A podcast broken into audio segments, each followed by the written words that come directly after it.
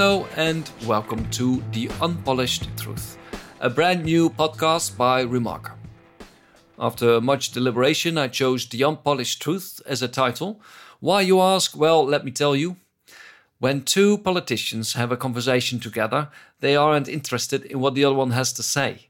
They simply talk to position themselves politically and to persuade others to join their group. Two politicians, they don't converse. They are always certain and they never change their opinion.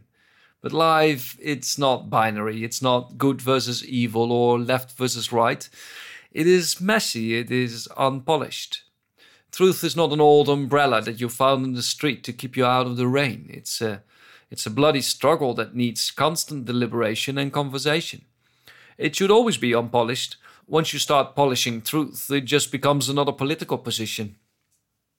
I was invited by Remarker because I criticize a simple and orderly world, because that world does not exist. Over the course of 10 episodes, we will talk about a wild variation of political topics that trouble the world of today. I'm Jacob Gesink, I'm born in Holland and I'm living in Amsterdam. I've studied a long list of things like computer science, social work, philosophy, and art. I'm currently working as a freelance filmmaker. Today's episode is about political correctness. We'll be going over three parts. We'll talk about the characteristics of political correctness, about how effective it is, and finally the question of law. But first, let's talk about Utopia. It's a book by Thomas More, published in 1516, about a small state somewhere just off the Atlantic coast.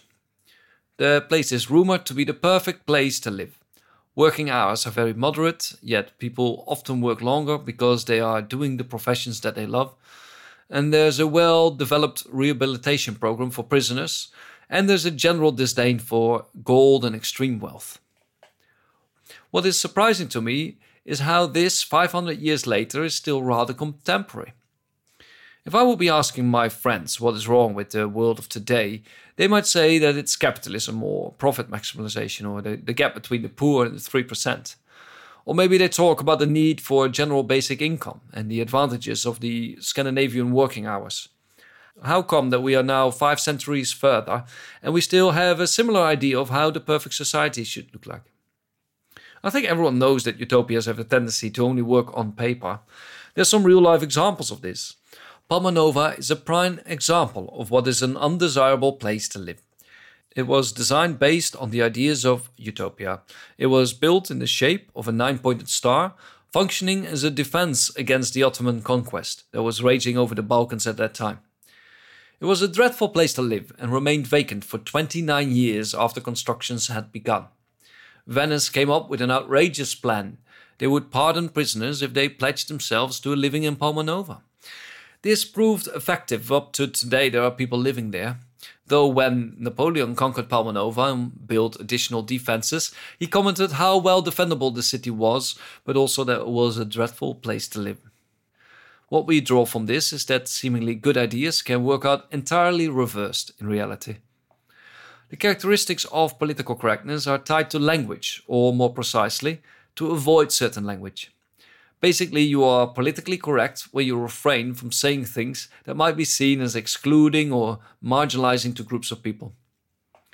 Individuals are excluded from this. If my friend doesn't pay for his drink, I call him a son of a gun, which might offend him, but in no way or shape is it stigmatizing to a group of people. Please understand that this is a big thing in Holland. Just like in the Balkans, we like to fight over who gets to pay the bill, but unlike the Balkans, we try avoid paying if we can help it. So, not using words that offend a group of people. Instead of gypsies, we say Roma. Instead of Indians, we say American Indians, which was replaced by Native Americans, followed by First Nation. Uh, other examples are the assumption of gender.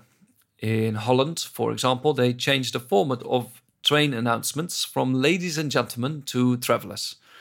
Lastly, there's microaggressions, which is a variant of political correctness where everyday language has a hidden assumption about a group of people.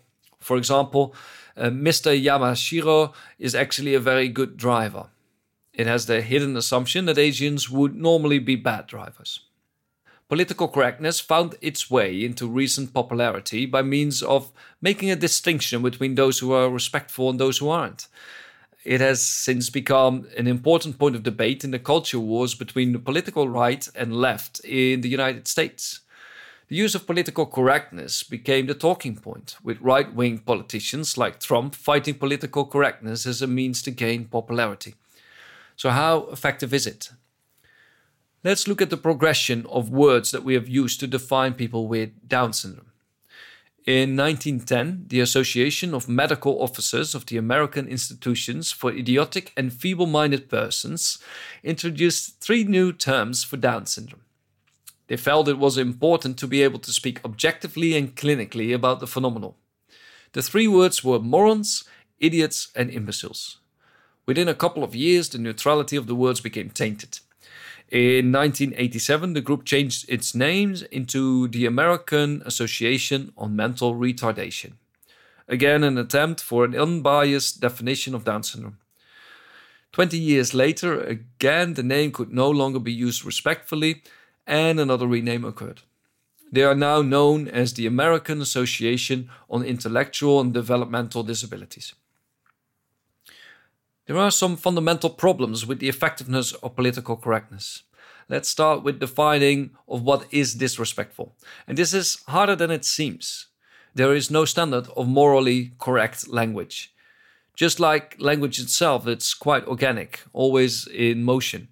Uh, it's a cat and mouse game between tainted words and new correct terminology, and this goes on endlessly. Then there are people who get offended fairly easily and those who rarely get offended. I have worked for 10 years as a social worker with teenagers who experience behavioral problems. And I can tell you, it is fairly hard to compete with them in a name calling contest. As a consequence, I became pretty resilient to any kind of offensive language. At the same time, I have to remind myself that others don't share my resilience it is impossible to set a standard of respect that is shared by all members of a group. In a personal environment, it's fairly easy to establish if you offended someone, and with people close to you, you know pretty well how tough your jokes can be before your friends get irritated. It is much harder if you apply political correctness as a way of life, and even more so if you want to be consistent. There's no upper limit to political correctness potential assumptions about others, and in, as a consequence, the chance of offending someone in a group is virtually endless. If you compliment someone on their beautiful dress, you didn't compliment someone else who is dressed to a lesser extent. If you define what kind of partner you would like, you exclude groups of other candidates. The sky is the limit. Uh, essentially, if you would devote your life to being political correct, you would still be acting upon assumptions it isn't bad to be political correct to some extent in your own life.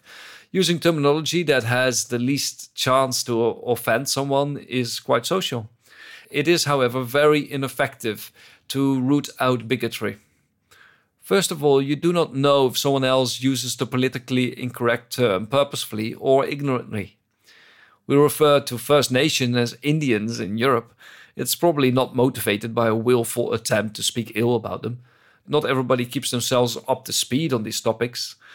It is especially true for older people. Often than not, they have missed a memo. Young people neglect to update them on the long list of words that are now no longer okay to use. And secondly, the problem of bigotry is not the use of language. When a racist says hateful things about Roma, the problem is racism, not his poor phrasing. What would calling him out on his politically incorrect ways possibly change into his view of others. There's a discrepancy between what we wish and how things work out. Political correctness will not create a friendly and understanding society. But is this freedom of speech worth fighting for if it's used by others to be offensive? To work out this question, I engaged myself in a thought experiment, and this is how it goes. Imagine the plot of Lost. Me and a hundred others are on an airplane crossing the Atlantic when one of the engines suddenly catches fire and we crash into the ocean. Conveniently, we strand very close to the coast of a deserted island. After taking care of some of the basics like shelter and food, we find ourselves in need of some organization. And in the infinite wisdom of my fellow travelers, they appoint me as their benevolent leader. I retreat to my little hut and take out my pen and paper, the last I have, so I better make it count, and start writing some laws. So the first ones are rather easy don't steal stuff, don't harm others, and so forth. Say I come up with 10 commandments and nail them to the cabin doors.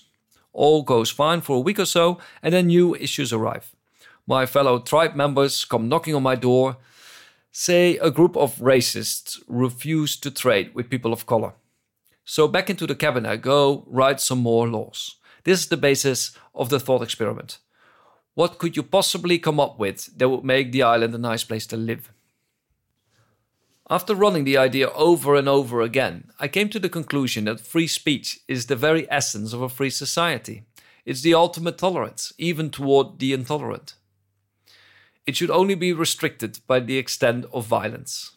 There's a hefty price, though, to be paid you will be confronted constantly with things you rather not see. In the Balkans, I experience this much more than I do in Holland. I find it surprising of how open people are about their intolerance towards others. In Holland, for the longest time, racists could not say their opinions publicly because, well, you would be branded as a Nazi. In the 90s, it was so effective that for a while we forgot they even existed. And then populist right wing parties started winning the elections year in and out similar to religion during Tito's reign, they hadn't really disappeared. They just became quiet for some time. Our intolerance towards the intolerant came back to bite us in the ass. So, a thick skin is the toll we need to pay for a free society. Political correctness is not an effective tool to stop bigotry, and we still haven't gotten any closer to dealing with intolerance. The discussion should not be about what you can't say, but it should be on why something is foolish to say. We cannot make a simplistic system to separate nice people from nasty people. If you still feel a burning desire to fight injustice, I suggest an alternative route, which begins with stopping to suppose that it's easy to know right from wrong. If it was easy, the world would have been an utopia ages ago. Stop playing a political game of me against you and start engaging in meaningful conversation using good ideas. A colleague of mine once told me that she would never give money to beggars on the street. She supposed that they would just throw it all away on drugs anyway. She recollected how her car radio got stolen by a junkie once.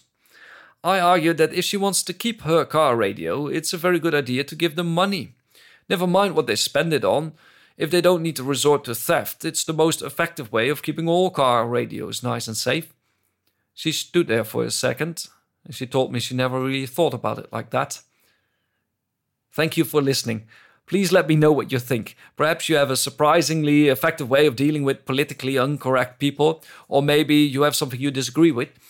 Either way, let me know on the Facebook post of Remarker, which you can find on facebook.com slash remarker and search for the topic of this podcast. The subject of the next episode is tribalism, where we will explore why people feel connected to a group or nationality. Hope to see you there. Ciao.